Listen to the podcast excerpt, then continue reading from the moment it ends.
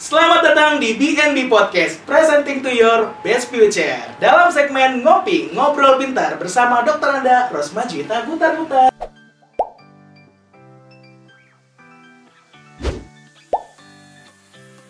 Halo Ibu, Hai. selamat Pagi. pagi Ibu. Sehat Ibu ya? Sehat. Luar gimana biasa. dengan Bapak sehat? Sehat juga Bu. Iya. Tim podcast podcast gimana sehat-sehat Sehat juga? semua ya Bu. Amin. Luar biasa di sini ada eh, ribuan orang di studionya Bu. Iya, tepuk tangan boleh?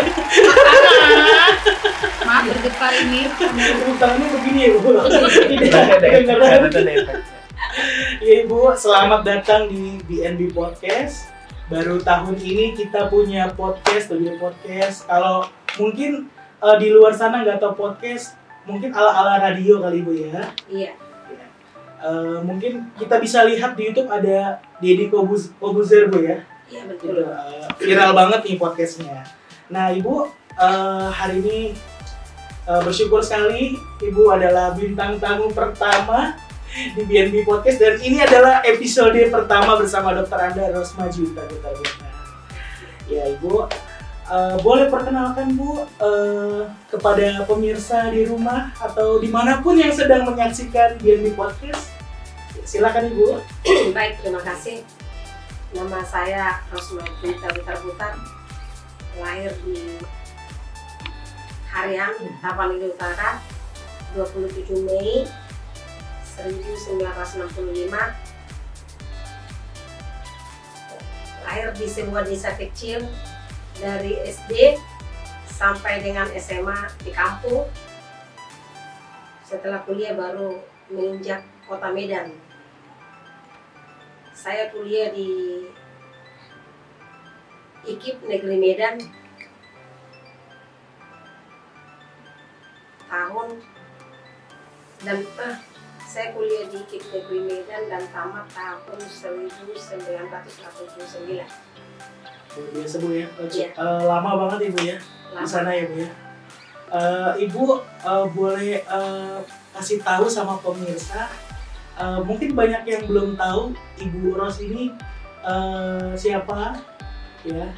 Dan memang eh, ada beberapa yang tahu juga kalau Ibu adalah owner dari Yayasan Bangun Nusa Bangsa ya Bu ya. Mungkin boleh diberitahu Bu untuk pemirsa di rumah. Iya baik. Kalau kita da- namanya dari desa nggak ada yang istimewa lah ya. Apalagi kami dari eh, kami 10 bersaudara. Oh, 6 perempuan, 4 laki-laki. Saya nomor 4 ya. Bapak saya seorang guru. Ibu saya petani petani dibilang petani petani paling rajin paling rajin. Kenapa saya bilang begitu? Kami 10 bersaudara bisa dengan hanya dibesarkan oleh bapak seorang guru dan ibu petani semua bisa sarjana. Luar biasa bu ya. iya 10 orang sarjana. Salut sama orang tua kita. Jadi eh, orang tua zaman dulu pendidikan itu eh, penting ya bu ya. iya Untuk eh, apa pun eh, orang tuanya mau kerja apa, yang penting anaknya punya eh, punya pendidikan yang tinggi ya bu ya. iya iya iya Eh, perjuangan sama eh, orang tua ya bu ya. orang tua Ibu eh, tadi berapa bersaudara ibu? 10 bersaudara Sepuluh bersaudara. Ibu nomor empat nomor empat. iya Berarti eh, masih lengkap ya bu semuanya. Eh, satu tahun lalu sudah ini kakak yang pertama yang kawin sama hakim sudah meninggal kakak itu di Bogor ini juga tinggalnya. Yang saya sebutkan dulu ya ke keluarga-keluarga kita semuanya. Nomor dua itu abang saya yang dosen di USUR nomor tiga kakak saya wira swasta di Medan. Nomor empat saya. Nomor lima pebisnis di Papua Timika Eh, nomor 6 nomor 6 eh, di Pelipet juga Iya. nomor 7 bisnismen juga punya kebun kelapa sawit di Pekanbaru sekalian dengan juga punya usaha di. Nomor 8 sama juga di Pekanbaru juga usaha kelapa sawit juga. Nomor 9 di kampung ya. Nomor 10 ini Pak Rusel Oh Pak Rusel. yang Pak Rusel menjabat ketua yayasan. Jadi Pak Rusel bontot ya Bu ya? Iya, biasa. bontot dan yang paling pintar itu dia. Luar biasa ya Bu ya. Iya. Eh, jadi eh, puji Tuhan ya, eh, Tuhan eh, memberkati keluarga ibu, terus eh, anak eh, anak-anaknya berhasil semua ya bu, saudara-saudara ibu. Puji Tuhan ditempatkan di tempat-tempat yang memang eh, Tuhan eh, udah siapkan gitu ya. Iya. Eh, ada yang bisnis, terus bahkan ada yang memang Pak Rusel jadi pengacara juga, dan Iya. banyak hal yang dikerjakan luar biasa ya, yang Tuhan berikan gitu ya eh, ke, ke anak-anaknya. Iya. Lalu eh, di sini ibu eh, puji Tuhan juga ya bu ya. Ibu di sini adalah owner Yayasan Bangun Nusa Bangsa dan eh, bendahara yayasan ya bu ya. Iya. Eh, boleh ceritakan bu eh, awal mula kenapa mau bangun sekolah? Padahal ibu bisa bisnis yang lain ya bu ya, Iya. bisa buka yang lain seperti eh, saudara-saudara ibu yang lain. Tapi di sini ibu bener-bener kok bisa bangun sekolah? Gitu. Em, sedikit saya ceritakan juga sebelum membangun sekolah ini. Dulu juga saya udah pernah ceritakan ke Ibu Neti ya. Kita bisa begini bukan dari orang tua atau kehidupan yang wah gitu. Kita dari hidup susah. Iya. Saya ke Timika se- menikah menikah dengan Pak Nurdin itu tahun 89 iya kita hidup masih pas-pasan sama seperti yang apa maksudnya eh, yang muda kita masih ngontrak di Papua. Iya Bapak waktu itu udah kerja di sih ya udah kerja di Freeport. Kita masih hidup biasa-biasa. Iya. Terus seiring berjalannya waktu kesempatan ada. Saya honor-honor dulu di Papua. Tidak langsung pegawai negeri saya Iya. Ngajar sebagai guru Ah. olahraga, Bu. saya menikah kan Pak Nurdin langsung bawa kak saya ke Papua Eh, terus saya honor-honor di Timika Ha- habis itu tes pegawai negeri menang saya ditempatkan di SMA Negeri 1 Timika ada beberapa tahun saya jalani itu sekalian juga meskipun saya udah diterima negeri saya masih honor juga Iya di SMP Negeri 2 di Timika itu juga ketepatan dekat dari rumah. Iya kan? Ah, terus sudah begitu kira-kira mungkin ada 10-10 tahunan ya. Iya. Charles waktu itu udah lahir. Ya, dia udah sekolah eh, TK kecil. Kita dikasih Tuhan berkat, kita dapat rumah di Freeport itu. Ya. Iya puji Tuhan ya kasih rumah di Freeport itu yang biasanya kita dengan bapak itu cuma sekali dua minggu ketemu ini bisa kita tiap hari tapi ada tapinya Hmm. jarak antara tempat kerjanya bapak itu namanya Tembagapura ke Timika itu tidak bisa tiap hari kita ini nah jadi aku di Timika bapak sama Charles di Tembagapuranya di kota kecil itu. Jadi jaraknya jauh ya, Bu. ya? jauh dan nggak tiap hari kita ketemu. Paling ketemu tuh sekali dua minggu. Iya. Kita lalui itu berapa tahun berapa tahun kita lalui. Terakhir bapak ngambil keputusan eh, sudah dilihat artinya anak kita ini kayak kurang, kayak kurang terurus Pak Charlesnya ini. Bapak bilang kita mau kejar apa? Mau kejar uang atau artinya eh, keluarga berantakan gitu kan kamu mau pilih saya keluar atau kamu yang keluar? Apa? Maksudnya saya berhenti dari guru ini eh, kalau saya maksudnya saya mau nggak berhenti dari guru ini? Kalau saya nggak mau berhenti aku aja yang berhenti kata si bapak dari perusahaan ini kan satu keputusan yang sangat sulit. Artinya di saat saya sudah mulai merancang karir jelas ada pertimbangan yang lain juga menyelamatkan keluarga. Terpaksa saya ambil pilihan saya kamu kerja iya. Terus eh, akhirnya saya lepas ini pegangan negeri ini. Kita kembali berkumpul di kota kecil namanya Tembagapura di perumahan yang dikasih Freeport tapi puji Tuhan tidak berapa lama saya jadi ibu rumah tangga datang panggilan. Panggilan dari dulu. sekolah di Freeport itu juga namanya Yayasan eh, YPJ Yayasan Pendidikan Jaya Wijaya. Ya YPJ. Nah itu namanya. Di sana berdiri eh, sekolah dari Topler sampai dengan SMP kalau SMA nanti melanjut atau ke mana atau SMK atau apa sudah kita keluar. Nah kita keluarkan Gak berapa lama ada panggilan. Saya terima tapi saya izin dulu ke bapak ya. Bapak bilang eh, kalau kamu bisa bagi waktu apa-apa. Artinya kita dari rumah udah sama-sama berangkat dengan Charlesnya ke sekolah nanti pulangnya juga sama-sama kan enak. Jadi masih bisa kita lihat Jadi ada waktu Ah, buat pacar iya kemudian lihat makannya atau eh, dengan siapa dia bermain terus saya bergaul kan gitu kan bisa ya. Berbeda dengan waktu saya di Timika ya. Iya. Sedikit saya ceritakan juga tentang waktu masih di Timika. Timika juga artinya kita namanya memulai dari nol ya. Oh masih hidup pas-pasan.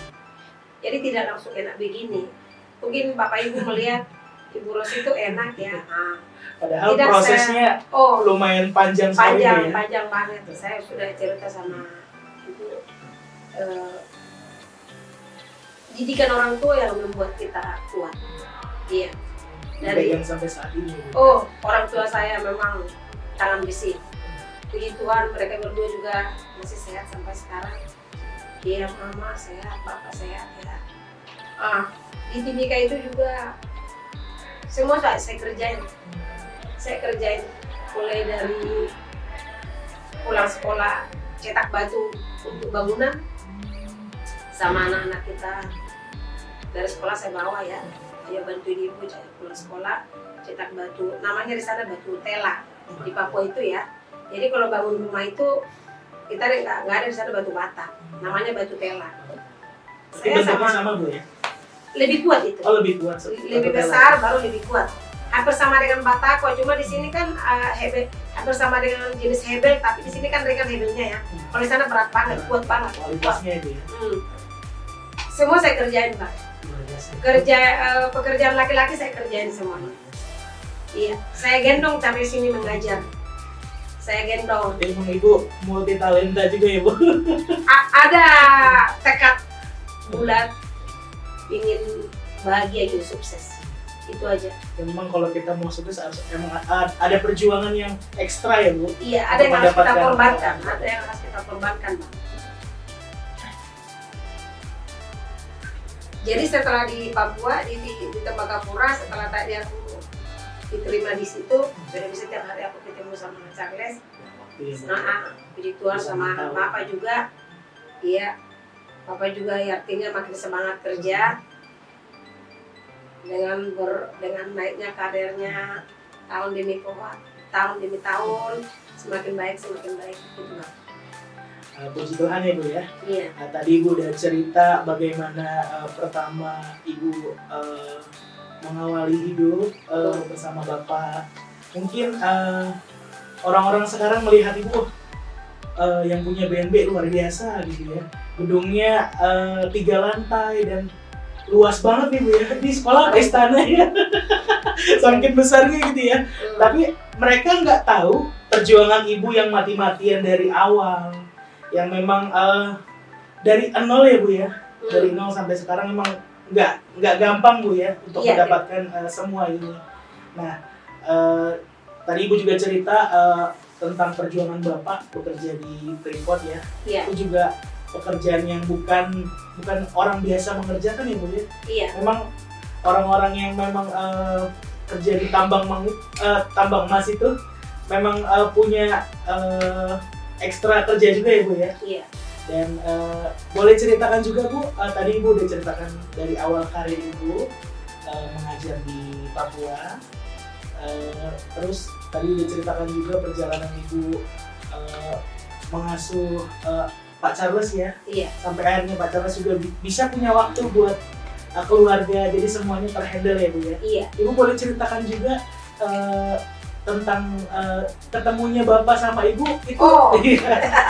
Iya. Waduh, kalau cerita tentang ini lucu ini. Jadi saya sama bapak ini kalau kita lihat Batak Pariban ya. Pari. Oh, Pari Ah, Ibu ya. iya. Jadi waktu saya masih kuliah memang eh, udah suka dia sama saya. Oh, udah suka. Ah, kalau menurut cerita em, sampai ada lelucon dia ini Eh. Pak Nurdin ini kan suka umur juga. Katanya dari kecil dia udah udah cinta sama saya Oh. sampai segitunya ya. Ah, dari kecil Iya. Jadi Berarti udah lucu. ditandain ya Bu ya. Kita kan satu sebenarnya bukan satu kampung, bukan satu desa, tapi dekat-dekatan. Jadi opung dia dengan opung dengan saya kan berarti kalau opung dia opung saya juga kan. Jadi sering op- opungnya dia itu di tempat kami di kampung kami. Jadi sering bermain ke situ, sering lihat Oh. saya. Ah, jadi katanya dari kecil juga dia memang udah ah, Udah ada rasa ya. udah ada rasa itu. Nggak tahu berapa tidak dia lah yang tahu ya.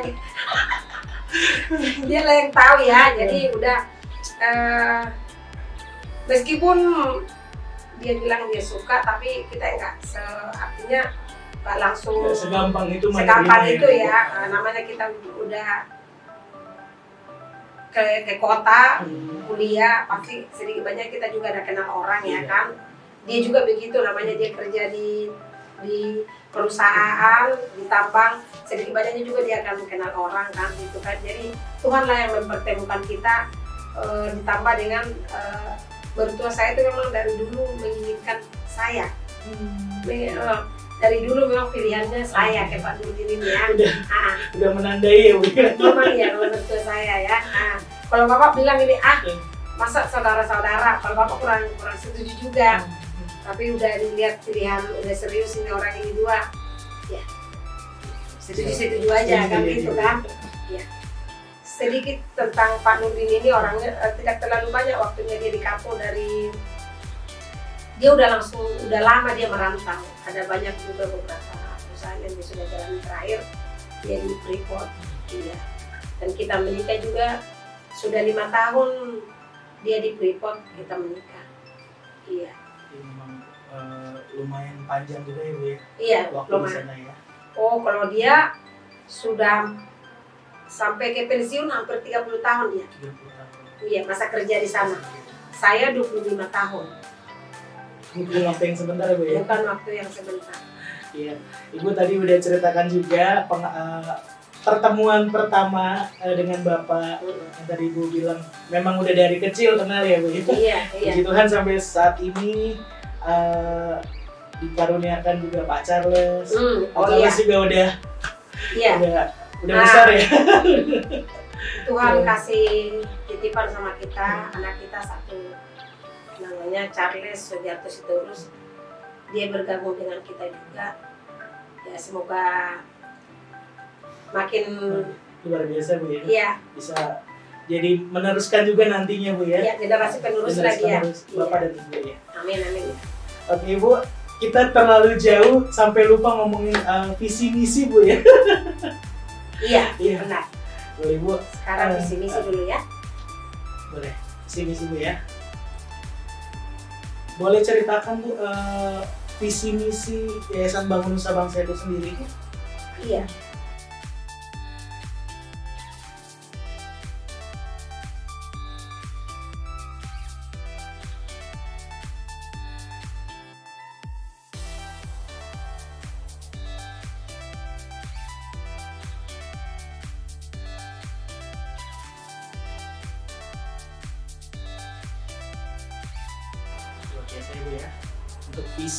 SMP dan SMK. Oke Ibu, mungkin nanti kita akan lanjutkan lagi Bu ya. eh, untuk nanti ada sejarah eh, ini SMP atau SMK duluan yang dibangun. Eh, nanti boleh ibu ceritakan ini ya. Nanti kita eh, kita kembali lagi ya kita break dulu. Eh, Oke, jangan eh, jangan ke mana-mana. Tetap saksikan BNB Podcast.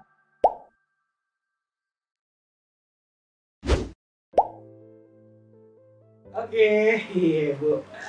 Tadi Ibu udah banyak cerita juga ya Bu eh, tentang profil Ibu. Dan saya mau dengar dong Bu eh, cerita Ibu mungkin pengalaman hidup di Timika seperti apa. Ibu boleh ceritakan? Iya. Baik, terima kasih. Jadi setelah kita menikah, saya langsung dibawa ke Timika, ya kan? Timika itu kota kecil di Papua, masih jauh dari tempat kerjanya si bapak. Satu ciri khas saya tidak bisa diam. Jadi hanya baru satu minggu saya dibawa ke Timika, saya udah langsung mengajar. Ketepatan kalau di Papua itu kan dibutuhkan banyak guru ya. Iya.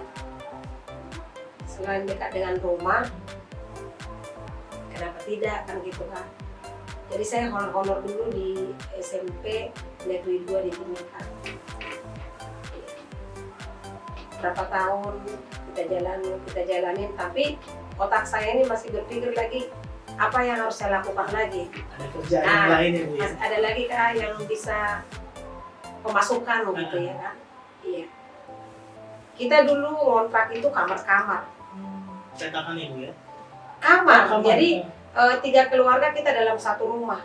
Tiga kamar, tiga kamar, satu rumah. Kita masih pengantin-pengantin baru. Iya. Ini sebenarnya panjang cerita ini. Jadi satu rumah ini dijual ini rumah. Kita patungan lah bertiga beli rumah ini. Masih ada tanah kosong di belakang. Iya kan? Kita bertiga di situ. Pada semua juga lagi hamil muda semua ini. Oh, ya? pengantin baru ini. Nah, sudah gitu, yang satu keluar merantau ke tempat lain. Dia bilang, kakak, bagian saya bayar dong katanya. Berarti bagian saya di rumah ini udah dua per tiga dong. Iya kan? Iya. Untungnya kami akrab. Tiga keluarga ini akrab. Si Torus, si Torus, Buta Ayam. Buta Ayam ke si Torus itu kan masih kakak adik juga. Jadi kami akrab. Sampai sekarang kami kalau ya dengan yang si Ayam dan di Ayam saya kami masih komunikasi dengan baik. Kamis juga. Nah, berapa tahun kemudian lagi Utayan lagi bilang dia udah beli tempat tanah di tempat lain kakak bayar sudah saya punya bagian biar untuk kakak ini maksudnya rumah ini utuh ya kita bayar ya ini? Utuh lah ini saya dan rumah ini jadi milik saya. Ya kan? saya berpikir apa yang harus saya lakukan di sini? Nah, pelan-pelan tanah yang di belakang itu saya timbul saya bikin kontrakan. Iya. Di sana waktu itu masih minim kontrakan. Iya. Jarang ya Bu? Oh jarang, jarang banget di sana. Saya bikin kontrakan, iya. Terus saya membangun itu juga bukan langsung bisa ini orang uang kita pas-pasan. Namanya gaji berapa lah ya? Saya honor-honor berapa lah? Bapak juga artinya meskipun di Freeport tapi artinya masih non stop ya, masih belum mulai lah gitu ya. Belum sebagus yang sekarang gitu. Sudah kita tanya-tanya tukang kalau bangun satu rumah itu eh, berapa apa apa yang disiapkan. Saya cicil-cicil bang. Jadi setiap gajian itu udah ada target saya. Eh, bulan ini beli seng bulan depan beli kayu gitu gitu kita nih. Udah ada target. kecil iya. dari Ah, perintilan kecil jadi nggak langsung punya uang bangun Oh. ini eh, nggak nggak ada gitu. Dari mana uangnya kan gitu kan terus bangun bat- eh, beli batu juga nggak ada uang kita kan gitu kan. Saya pulang sekolah sama anak-anak cetak batu untuk bangun rumah. Dia terus saya tanya kalau empat petak misalnya ukuran sekian kali sekian kira-kira berapa bakanya batu telanya namanya batu tela. Sekian ribu bu gitu ya.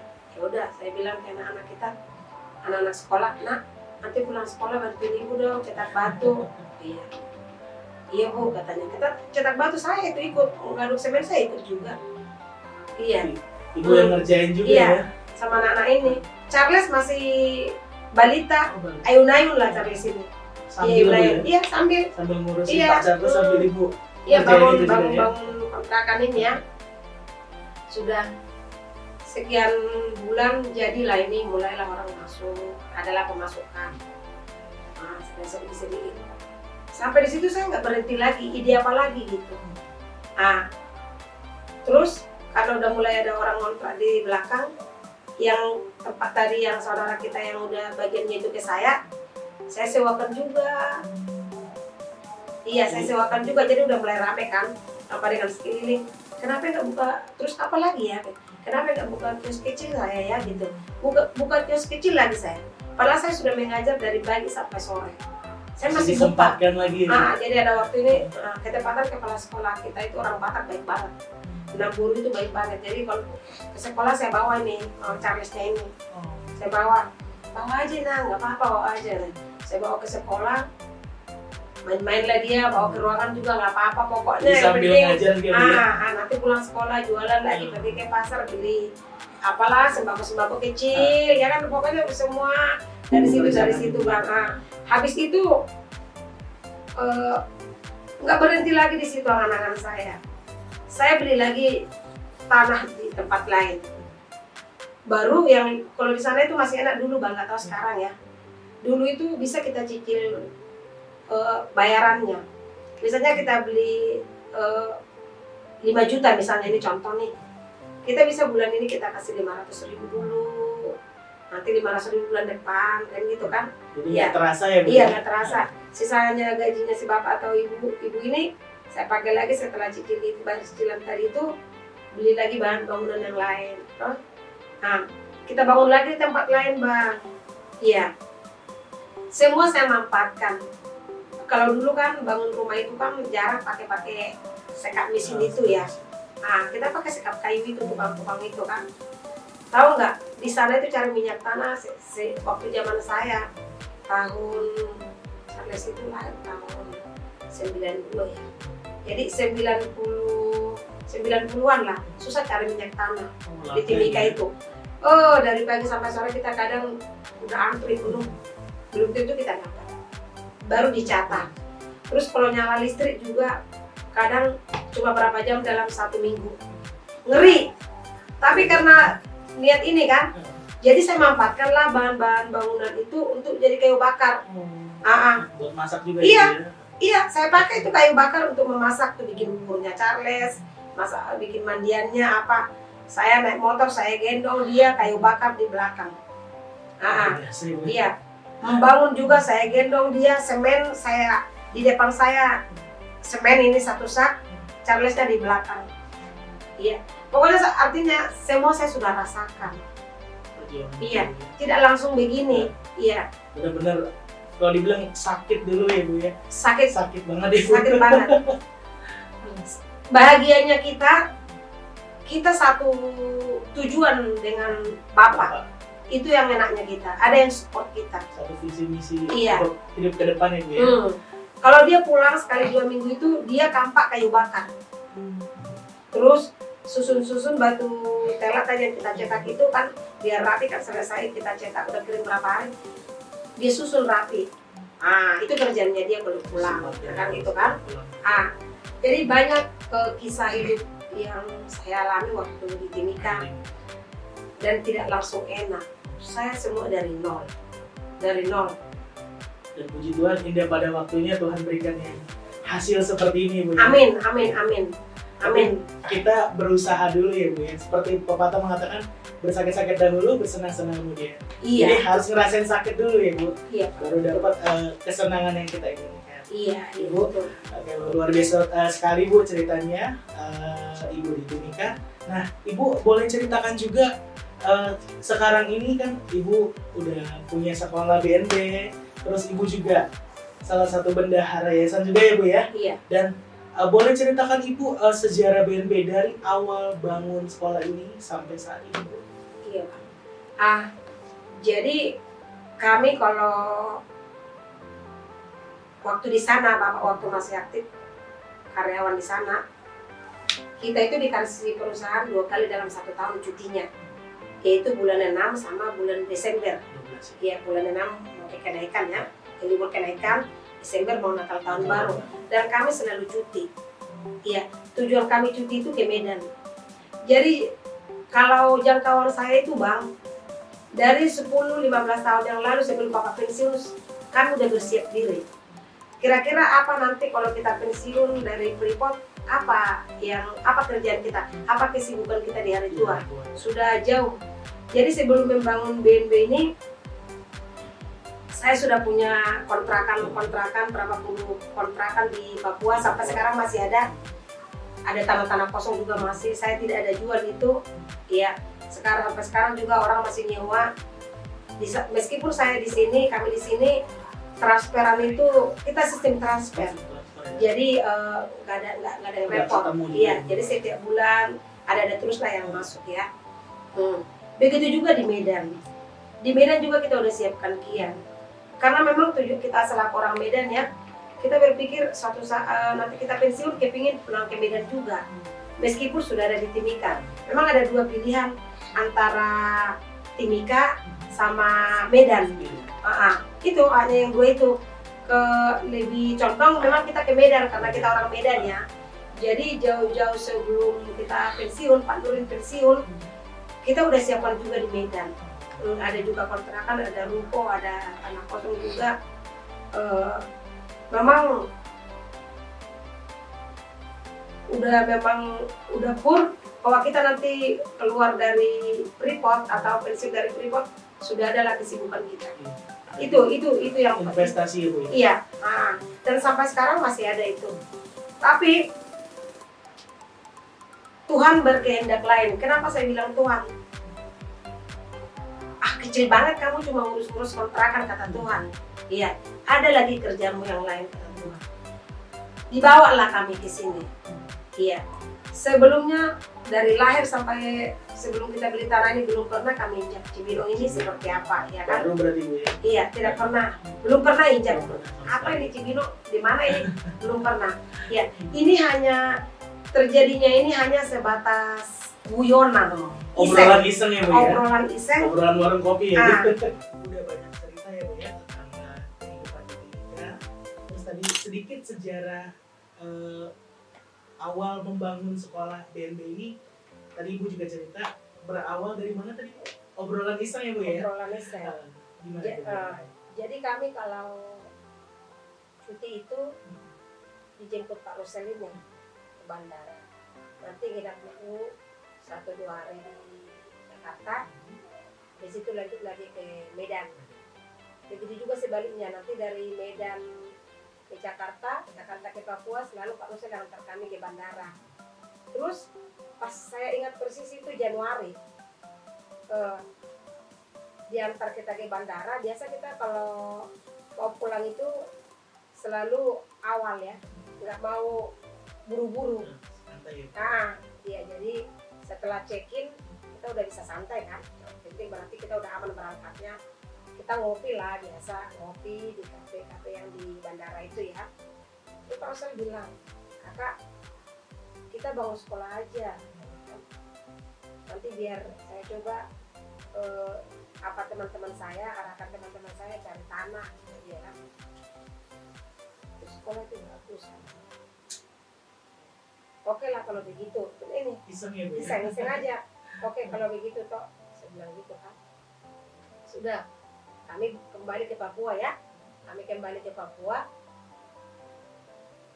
Nggak sampai dua minggu langsung telepon lagi nih. Udah dapat tanahnya gitu ya. Iya. Tapi bagusnya kakak datang. Soalnya bisa saja bagi kita bagus tapi kakak tidak tadi ya Lihat gitu toh ya bu ya Iya, jadi ini kan tanah orang Cina ini. Orang kaya orang Cinanya. Baru saya sampaikan ke Pak Nurdin kan. Kalau Pak Nurdin itu selalu bilang ke saya kalau ada sesuatu masukan saya kasih. Beliau bilang, mana yang bikin kamu bahagia, silakan. Selalu itu dia. Gak pernah ngapain, ini, ini ngapain, gak boleh. Dia nggak pernah. setuju ya Nah, ketika saya juga mau lanjutkan karir saya waktu setelah keluar saya dari pegawai negeri. Eh, saya diterima guru di Papua eh, di Tembagapura. Bapak saya kasih tahu ke bapak pak eh, tadi kepala sekolah telepon saya. Masih bisa nggak saya ngajar? Saya bilang gitu kan. Kenapa tidak bisa? Berdosa dong saya. Dibilang tulang bilang bertuanya tulang non tulang udah sekolahkan kamu kuliahin kamu baru tidak kamu manfaatkan ilmu itu. Kemarin itu kan karena kita berpisah maksudnya jauh. Nggak bisa tiap hari ketemu anak jadi terlantar. Sekarang kan kita udah udah udah satu maksudnya udah satu rumah. Kenapa tidak? Gitu dia selalu. Jadi sama dengan waktu eh, saya ceritakan ini ada tanah ini berarti saya berangkat besok ya. Berangkat besok tuh. Ya langsung aku jemput Pak Rusel ya sama seperti biasa sudah langsung kita dibawa ke sini. Ini dulu masih sepi nih bang. Ini semua pohon singkong. Kayak hutan-hutan gitu ya? ah i- ini pohon singkong tanah kita ini semuanya terus tinggi banget ini. Sekarang aja tinggi dulu lebih tinggi. Tinggi banget ini. Ah, ah. cuma tingginya maksudnya enggak enggak sama tingginya ya. Agak kayak makin ke SMP ini eh, agak rendah. Itu makanya ketinggian SMP SMK ini juga kan berbeda ya. Padahal ini udah tiga lantai ya. Baru dibilang si itu ini kakak dari sini ke sini ini ke sini. Saya dibawa mutar nih. Ini ke sini katanya gitu kan. Iya. Sudah. Langsung aku juga langsung serek iya bagus ya toh ya. Aku bilang gitu kan sebenarnya masih sepi sih tapi artinya calon berkembang. Yang kita lihat ini ke arah berkembang ke depannya bu ya? Iya ke depannya. Soalnya di jalan jalan raya iya kan? Jalan raya terus ke sini juga ada jalan ya kan? Tapi enak dong kita pikir begitu kan iya. Sudah langsung hubungi yang punya tanah langsung balik ser- eh, balik nama sertifikat. Habis itu langsung pagar keliling dulu masih waktu itu kalau saya nggak salah ada yang kawat duri ada yang batu lah. Eh, pokoknya yang penting sudah ada batasnya ada tanda lah kan gitu kan. Udah- sudah dibeli ya bu? Iya. Eh, habis itu bikin gubuk. Oh, sumur ini dulu, sumur bor di SMP situ, dekat pohon mangga. Oh, di sudut itu. Sampai sekarang masih ada itu sumurnya. Sesudah itu bangun lagi kata Sito bikin bikin gubuk-gubuk. Ya kak mana tahu. Nanti pas kakak cuti kalau kita bakar-bakar di sini. Masih sederhana nganangan ini. Oh mana tahu kakak ke sini kita bakar-bakar di sini. Dia dia gitu kan iya. Habis itu oke saya selalu oke. Karena saya lihat oh, artinya tujuan itu bagus. Jadi oke. Sudah habis itu saya pulang ke Papua. Saya mencari nafkah lagi di Papua. Jadi semua saya kerjakan bang. Sedikit lagi. Oh saya lupa lagi. Saya ini nggak ada gengsinya nggak ada malunya untuk bekerja. Ketepatan kita difasilitasi perusahaan ada mobil perusahaan. Nah mobil perusahaan. Jadi cari sembako yang bagus itu kan seperti saya rumah itu kan susah bang. Nah teman-teman teman-temanku kan banyak sering kami sama Pak Dulin ini turun ke Timika belanja nanti Tembagapura saya kita bagi-bagikan lah ini barang-barang titipan ini dari teman-teman. Kan pesan ini pesan ini sampai beras-beras saya jual. Abang percaya nggak? Semuanya saya kerjain. Yang penting halal.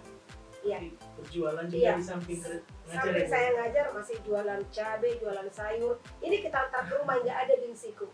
Bapak Nurdin itu nggak ada gengsinya. Dia yang nyetir nggak ada gengsinya. Juga ya bu ya? Dia dia yang nyetir. Nanti kan kita sama Mbak Rima itu Rima yang keponakanku yang udah menikah itu dulu kan ikut saya dia.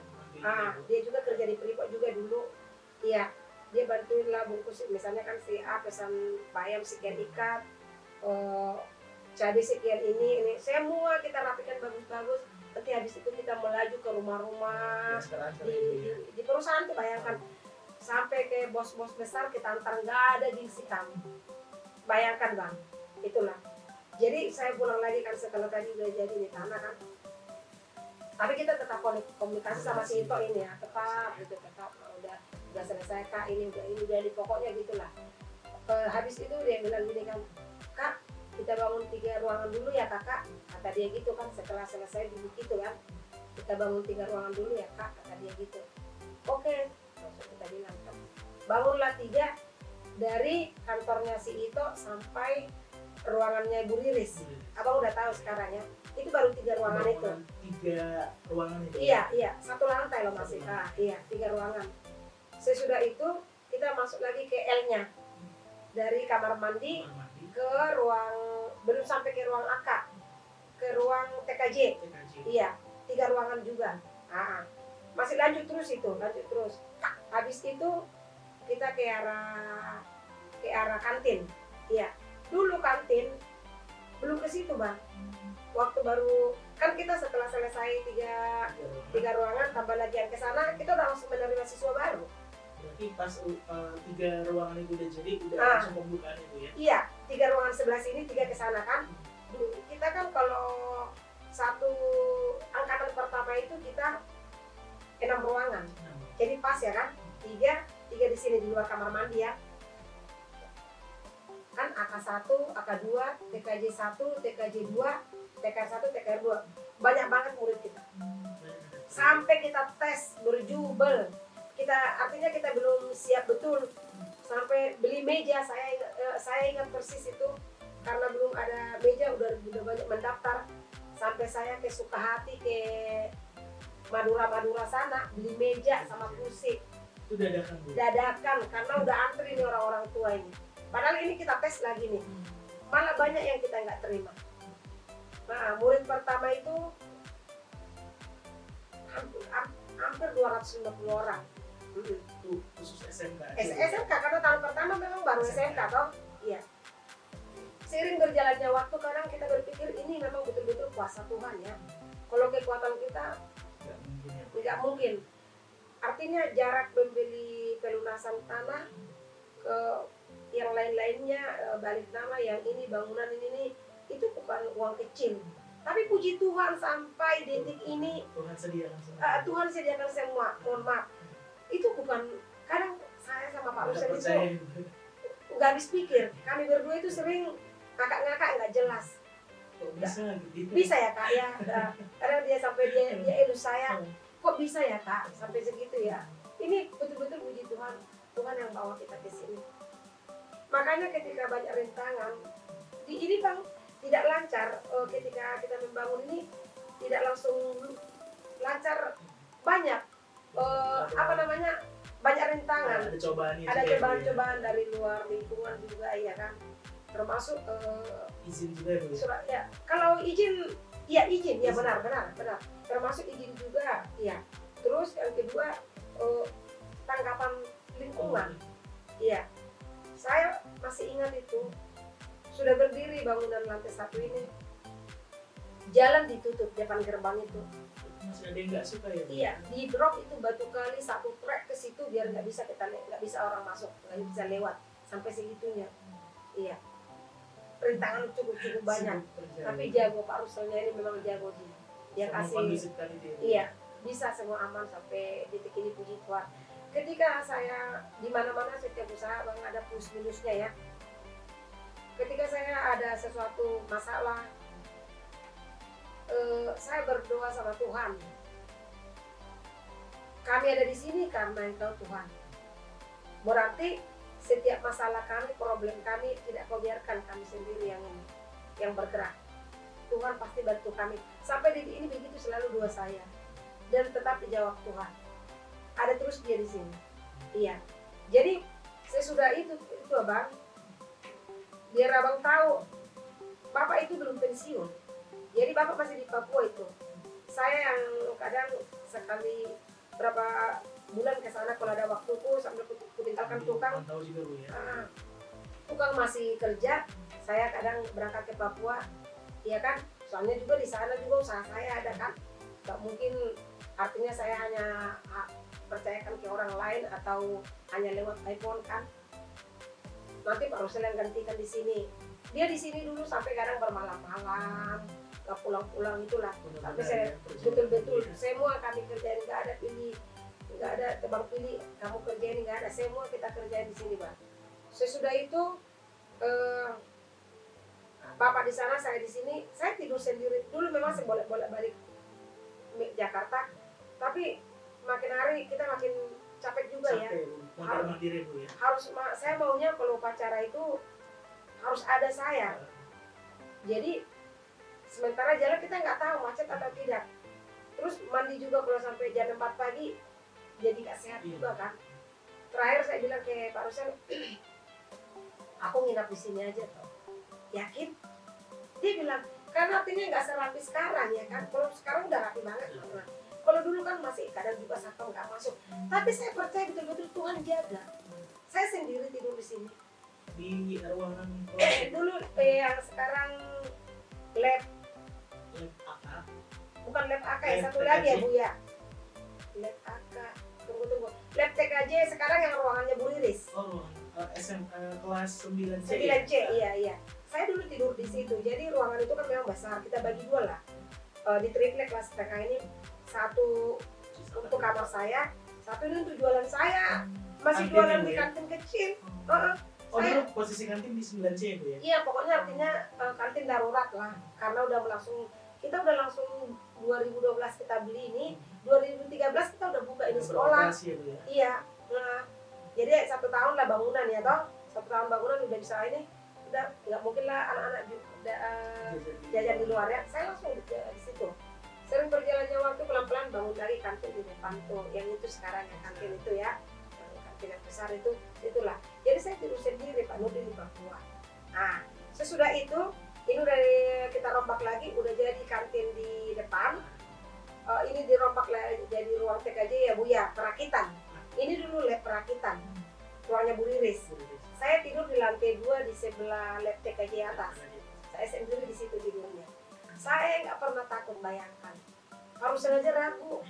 Karena kan orang bilang tukang-tukang saya berapa kali bilang ada, ada penjaganya, ada itu, ada itu. Nggak takut. Bilang. Ibu kok nggak takut katanya. Saya nggak takut saya bilang. Saya nggak takut. Ya? Cuek aja. Bayangkan saya sendiri. Iya. Karena apa? Saya percaya Tuhan ada. Iya. Dan sampai detik ini terbukti ya kan. Jadi gitu bang. Setelah selesai SM, SMK lantai satu semuanya, tak kerangka udah jelas mau ke lantai dua ya udah ada ya. Pak Rusel bilang kakak kita bangun SMP dong untuk nambah-nambahin. Jadi satu tahun berjalan SMK, lanjut lagi SMP kita bangun. Ah, ah. di 2000 berapa bu? Du, SMP dan SMK kan 2013, berarti SMP 2014. 2014. Iya. SMK Iya. Ya? Iya, bangunan jalan terus. Terus yang SMP ini, yang lucunya, itulah idenya Pak Rusel ini, malam-malamnya ini di batas SMP dengan SMK ini, bayangkan. Dia panggil tukang, tarik tali itu, langsung naikkan batu untuk perbatas biar biar nggak longsor. Karena Iya. hujan terus di sini kan abang tahu kan becek baru tanah liat. Ada satu yang tidak saya bisa lupakan bang sampai detik ini. Kami pernah berdua di sini sama Pak Rusel angin kencang hujan deras petir kuat banget kami sampai merayap di tanah ini sama Pak Rusel itu merayap udah kayak atapnya bedeng tukang kita itu udah terangkat udah lauk kali Itu terbang juga. sudah terbawa ke kali, sudah becek semua, udah banjir ini, kami merayap untuk ininya. Tak saking takutnya feeder ini. Masih ingat sampai sekarang Pak Rusel juga ingat. Iya, Iya. ya. Iya. Jadi yang paling aku yang paling banyak eh, berdiskusi tentang bangunan ini sebelum Papa pensiun ya, yaitu ke beliau. Iya.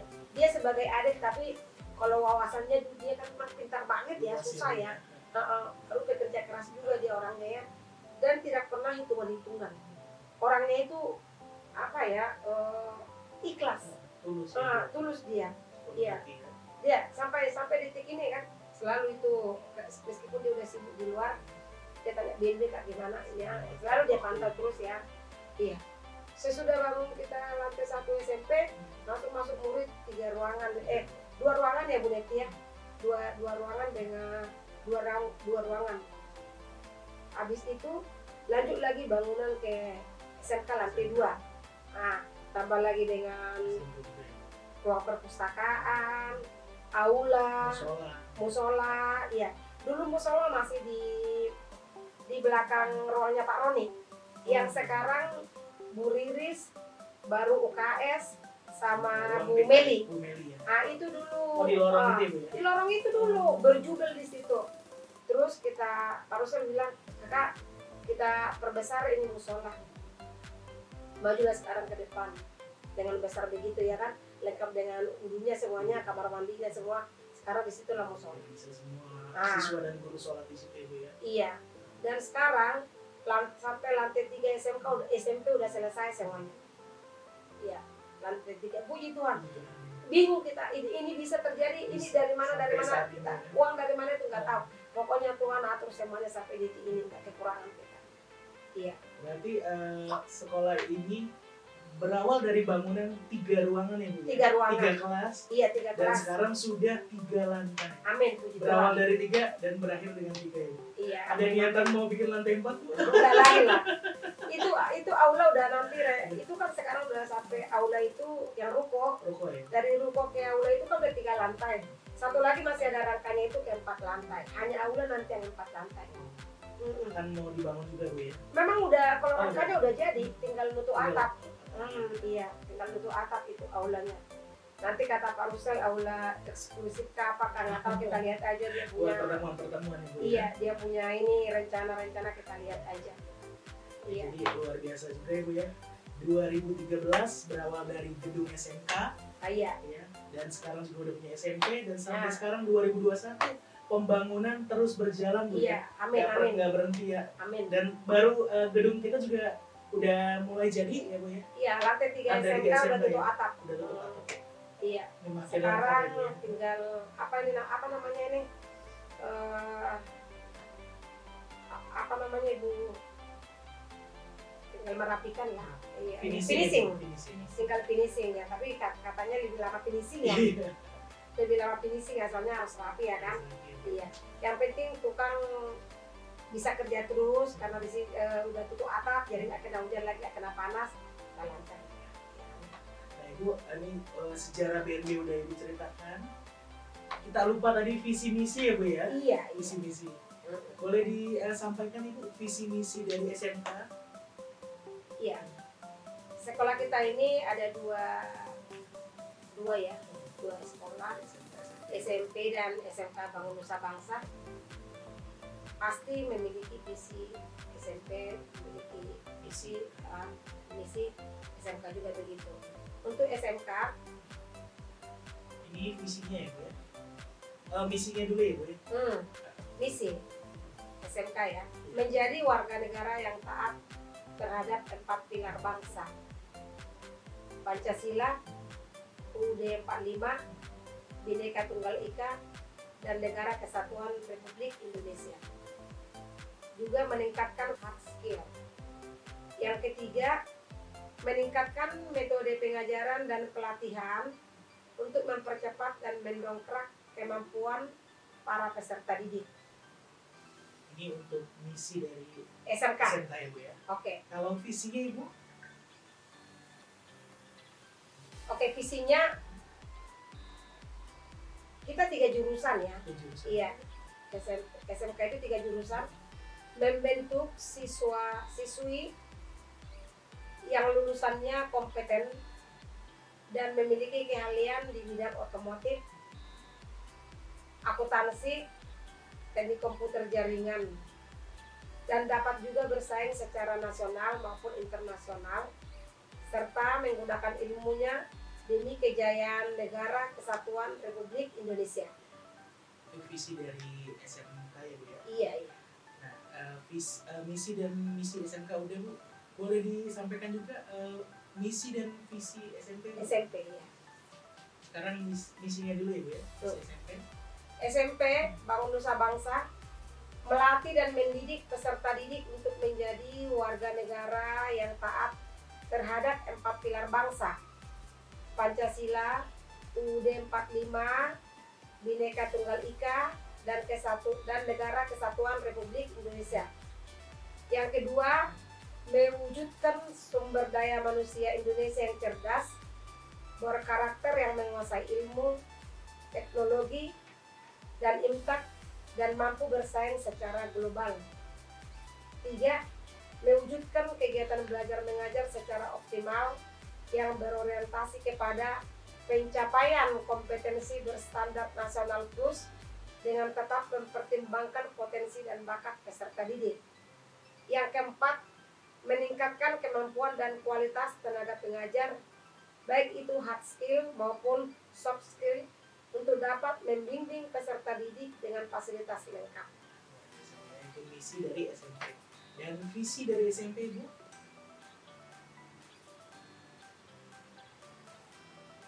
visi SMP membentuk siswa yang lulusannya memiliki kecerdasan, prestasi, karakter dan daya saing dalam ruang lingkup nasional dan internasional serta menggunakan ilmunya demi kejayaan negara kesatuan Republik Indonesia. Luar biasa Ibu ya, itu ada visi dan misi SMP dan SMK Ibu ya. Ibu boleh uh, ceritakan juga Bu, uh, mungkin banyak yang belum tahu SMP dan SMK Bangun Nusa Bangsa itu punya uh, banyak uh, keunggulan ya Bu ya dibanding sekolah lain. Ibu mungkin bisa ceritakan apa sih menjadi keunggulan sekolah ini? Oh, iya. Keunggulan sekolah kita baik SMP maupun SMK BNB dibandingkan sekolah lain satu satu pasti gedung lah. Gedungnya Bu ya. Iya, gedungnya mentereng ya. Iya. Dua disiplin. Disiplin. Iya. Tiga guru-guru yang punya skill. Skill. Iya. Kira-kira uh, mungkin uh, disiplinnya seperti apa Bu untuk sekolah ini? Oh. Untuk siswanya sendiri ya? Iya. Kita dari awal berdiri BNB ini memang yang kita paling jual juga satu disiplin termasuk eh, proses KBM di sekolah. Ya kita kan masuknya jam 7 ya. Nah, jadi jam 7 kurang 5 itu kita udah langsung baris, uh, gerbang juga udah ditutup. Ya, yang terlambat biar aja di luar maupun apakah itu siswa atau guru, biar aja dulu di luar. Ya, baru jam jam belajarnya juga ya kita disiplin, termasuk jam pulang juga. Iya. Jadi dari segi waktu disiplin juga Bu ya. Terus dari uh, segi kerapian siswa juga, salah Iya. satunya juga kebersihannya juga Bu ya. Itu uh, disiplin semua ya Bu ya. Iya, kerapian. Kalau kita memang dari dulu ya eh, pakaian juga memang harus rapi ya. Ya, blus harus ke dalam, terus pakai atribut. Selalu itu kita pakai atribut lengkap. Terus eh, tadi nggak boleh terlambat. Apalagi tadi eh, Kebersihan. Kebersihan. kebersihan bisa kita lihat segala sudut di BNB ini semua kinclong bersih. Iya. Setiap sudut ya. Iya, setiap ruangan, kamar ma apalagi kamar mandi, semuanya bersih. Karena saya berpikir kalau bersih itu pasti kita nyaman dan kita juga belajar akan konsentrasi, lebih fokus gitu. Jadi menikmati juga ya Bu. Iya, iya bang. Eh, di sini Bu eh, tadi udah disiplin, terus eh, salah satunya siswa juga benar-benar eh, menaati peraturan di sini Bu ya. Hmm. Dan kira-kira eh, Ibu eh, punya apa ya Bu ya? eh, eh, harapan nggak Ibu eh, untuk mungkin pembelajaran seperti apa yang Ibu inginkan di sekolah ini? Terus salah satunya guru-guru yang seperti apa yang Ibu mau di TPBB? Oh, tadi masih ada yang lupa eh, apa tadi Fas- fasilitas. Oh iya fasilitas. Ah, fasilitas kita nggak usah diragukan Ya. lagi dengan sekolah lain. Bisa lihat semuanya, ya. Ruangan-ruangan juga, lihat ada EC, iya ada eh, lab AK, lab komputer, ada workshop yang sangat besar, Eh, eh, SMP juga ada lab IPA, ada EC-nya juga, ada IT-nya juga.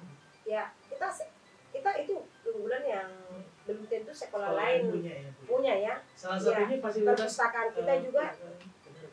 Perpustakaan Bu ya. hmm, Salah satunya juga ini eh, studio podcast ini Iya. juga Bu ya. Iya yang baru, Ini baru. yang baru ini di tahun 2021. 21 ya, Bu. Iya Dan terima juga kasih semua sekolah punya podcast, podcast ya Bu. ya.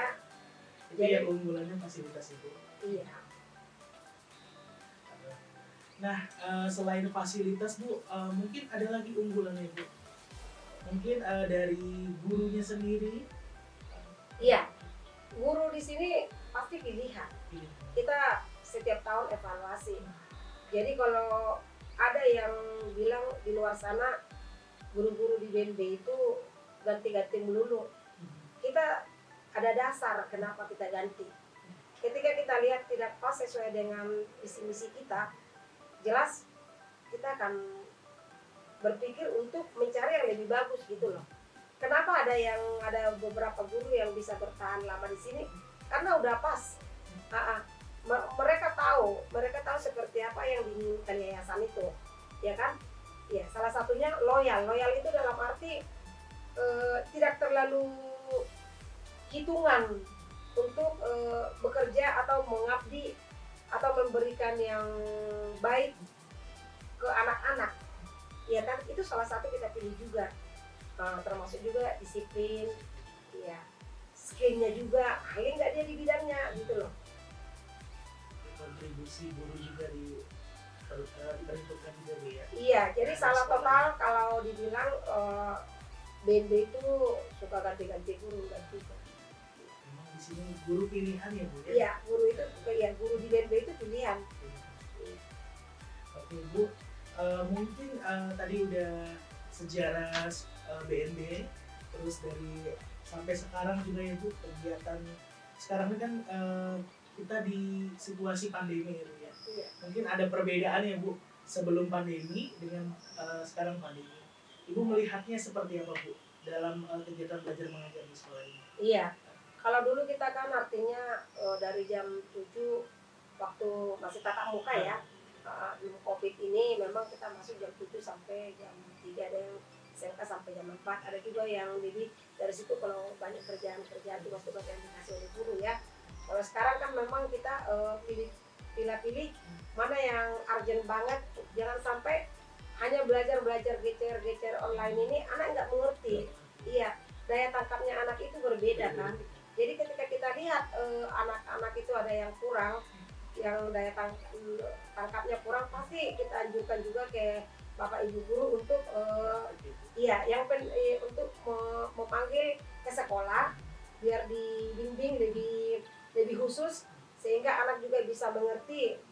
Jangan sampai bisa sampai naik kelas atau lulus atau tamat tapi nggak tahu apa-apa. Ini satu perdebatan juga. Eh, yang penting kita protokol kesehatan kita tetap laksanakan. Iya.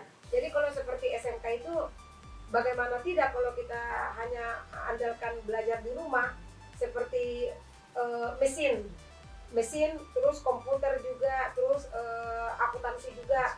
Kalau cuma belajar di rumah Iya, Masuk ya, pasti nggak ada ilmunya. Kasihan sedangkan mereka nanti kan tamat dari sini pasti sudah langsung terjun lapangan ya kan? Pasti udah bekerja. Malu dong kalau nggak ada eh, Ah, keahliannya kan gitu kan? Ini kita cari siasat. Jadi setiap setiap hari itu udah diatur oleh kepa- eh, pimpinan eh, ber- bersama dengan guru-guru bidang studi. Pelajaran-pelajaran yang memang yang harus dipraktekkan dan diatur jadwalnya siapa-siapa aja yang kelas-kelas mana dulu yang ini. Sama juga dengan SMP SMP juga bukan berarti karena nggak punya jurusan-jurusan hanya mengharapkan online atau online, ya. gecer-gecer itu kan? Enggak juga. Kita ada praktek juga ya Bu ya? iya ada beban atau ada tanggung jawab. Ketika anak-anak tidak punya tidak memiliki eh, ilmu kita merasa seperti bersalah gitu loh kita merasa aduh kasihan anak-anaknya tahu apa-apa tapi udah naik kelas tapi udah tamat ah jadi kita udah dari awal udah langsung sepakat eh, siswa-siswa yang memang di SMP juga harus ada pra- praktek termasuk eh, IPA kita kan utama ya Iya, EC, IT, apalagi ya? Sama Bahasa Inggris. Bahasa Inggris juga. Jadi kita tetap laksanakan sampai sekarang dan berjalan. Orang tua mayoritas juga mendukung. Mendukung. Iya, Yang penting protokol kesehatan tetap dijaga ya Bu ya. iya, iya, Itu yang paling penting di saat ini. Iya, iya. Jadi eh, pembelajaran juga ada perbedaannya Bu di masa sebelum pandemi dan pandemi. Iya, Nah Ibu, eh, kita udah banyak berbincang-bincang tentang sekolah. Eh, Ibu kan kesibukannya di sini memang salah satunya owner dari Yayasan Bangun Nusa Bangsa Hmm. dan Ibu adalah bendahara yayasan. Kira-kira eh, Ibu, saya ingin tahu nih Bu, selain Ibu memantau kegiatan sekolah ini, ada nggak kegiatan Ibu di luar eh, sekolah? Iya. Eh, iya tadi saya line owner ya, bendahara yayasan. Sebelum pandemi, saya juga di kantin. Juga. Iya, iya. Artinya apa? Selain me- ini waktu uh, uh, apa yang menghabiskan waktu bersosialisasi juga dengan orang-orang tua, dengan anak-anak. Kita makin dekat ke anak-anak. Kalau mereka dekat ke kita kan mereka juga pasti cinta saya sama sekolahnya ya. Nah, jadi saya juga cari kesibukan juga. Saya paling tidak bisa diam. Jadi saya cari yang positif eh, saya cari yang positif. Kalau waktu pandemi waktu belum pandemi saya juga di kantin juga. Nah nanti kalau untuk bendara sore-sore nanti baru eh, ya admin sudah ada kan udah ada ini ya. Sudah ada yang bertugas untuk SMP dengan SMK paling nanti mereka laporan ke saya terus pengecekan sana sini betul atau tidak ya itu. Nah untuk sekarang ini jelas saya juga terli, terlibat kalau dulu kan mungkin waktu belum pandemi waktu saya untuk urusan kebersihan nggak sebanyak dengan sekarang. Ya karena eh, istirahat itu sampai jam istirahat ibu itu sampai jam berapa ya? Jam satu setengah dua ya Bu Netia iya. Jadi kita belajar lagi pembersihan saya paling nggak bisa kalau tinggalkan kantin kalau nggak bersih jadi setelah, setelah selesai eh, istirahat jam istirahat kita udah langsung siap-siap pembersihan ngepel lap sana sini persiapan besok bungkus es batu ini pokoknya semua kita kerjakan. Iya, iya, iya. Ah, saya cuma dibantu Bang Heri itu. Bayangkan ya kan, besoknya udah enak lagi anak-anak datang udah steril kan bersih. Eh, jadi waktu saya untuk pembersih eh, eh, urusan kebersihan itu ah, agak agak sedikit. Tapi tetap saya pantau, tetap saya pantau. Saya juga turun tangan antara hari Sabtu atau hari Minggu ya mana yang kurang bersih. Sekarang memang banyak waktu saya untuk kebersihan. Iya, iya. Dan saya tidak tidak segan-segan terjun lapangan. Udah lihat sendiri ya Iya. nyikat kamar mandi juga saya gengsi terserah mau dibilang apa yang penting saya lihat bersih saya bahagia nah, Yang utama bersih. Bu. ya harus bersih saya senang kalau kita kita di sini guru-guru anak-anak kita ini bersih eh, kita hidup sehat iya. Dan nyaman juga iya ya. Dan bisa lihat bisa lihat bang di- dari SMP ke SMK sudut satu ke sudut yang lainnya tidak ada yang kotor tidak ada yang berantakan barang-barang. Semuanya rapi bersih. Nah jadi kita lirik ke kiri mata kita yang gak ini lirik ke kanan yang karena apa? Plong enak lihatnya bersih. Itu satu itu kebahagiaan saya bang. Hmm. Ya. Utama ya Bu ya. iya bang.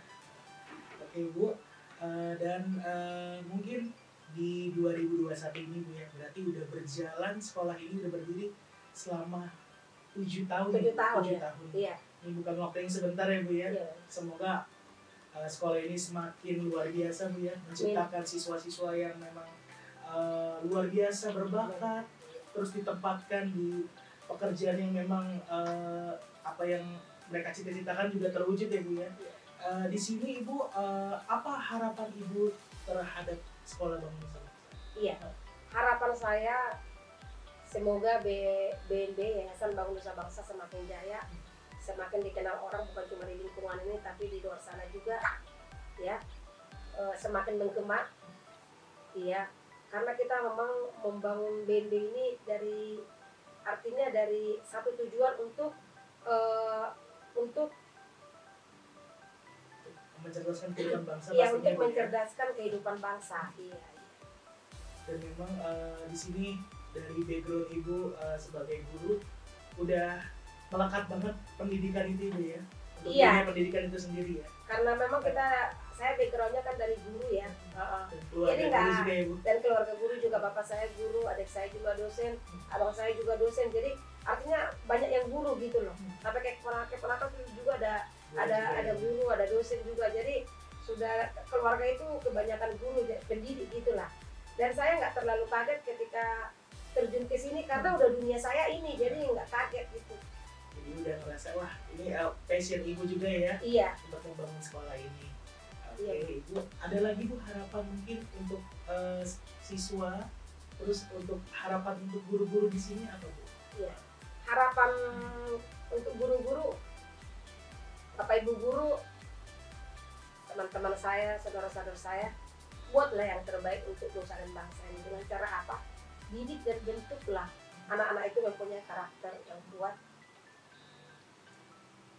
yang punya disiplin yang tinggi. Iya. Dan satu lagi kamu harus loyal gitu. harus loyal terhadap sekolah yang kamu Tempati. Tempat mengajar. Oke, luar biasa sekali Bu ya. Perbincangan kita udah hampir berapa lama Ibu? Luar biasa Ibu ya.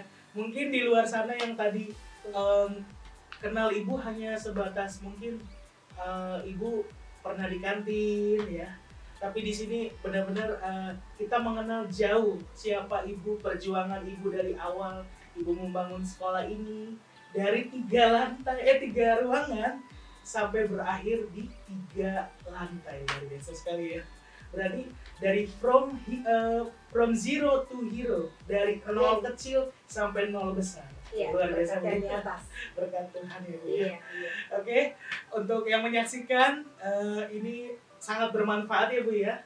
Jangan lupa saksikan terus BNB Podcast di YouTube kita. Jangan lupa subscribe YouTube channel kita di Yayasan Bangun Nusa Bangsa. Di situ banyak profil sekolah kita.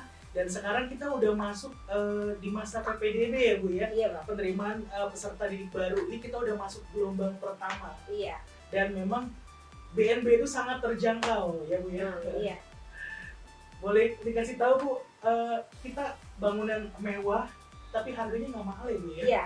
Baik anak-anakku sekalian dan para orang orang tua di luar sana, ayo bergabung dengan BB, daftarkan putra putri putra putri anda. Yakinlah, BNB itu tidak mahal, tapi bukan berarti murahan. Ya, kita membangun BNB itu bukan memikirkan komersilnya saja, tapi men- menjadikan anak-anak itu menjadi anak-anak yang berguna, bertakwa, dan menjadi kebanggaan keluarga dan nusa dan bangsa. Bu, ya. Iya, ayo mari bergabung. oke yang menyaksikan eh, warga Cibinong dan sekitarnya dan di mana pun berada ya eh, nanti eh, ada pembukaan tahun ajaran baru dari sekarang boleh dipersiapkan dari gelombang satu kita sudah buka nanti juga ada gelombang dua gelombang tiga ini tetap kita buka ya bu ya kita buka selebar-lebarnya untuk para calon eh, siswa dan siswa SMP dan calon siswa dan siswi SMK silakan daftar ke Yayasan Bangun Nusa Bangsa itu Iya, aja ibu Iya, ditunggu. Eh, ditunggu ya bu terima kasih bu untuk waktunya udah menyempatkan waktu untuk eh, kita berbincang-bincang di BNB Podcast ya nanti ke depannya akan ada episode-episode yang lain dan bintang tamu yang pastinya eh, Tidak yang kalah. tidak kalah seru, lagi Seru bu lagi, ya iya, iya. Oke, iya. Saksikan terus eh, konten kita di BNB Podcast di YouTube dan Spotify. Oke, sampai di sini dulu kita ya bu ya. Iya, Biar kita- makasih. Terima kasih, sampai jumpa. Salam Nusa Bangsa.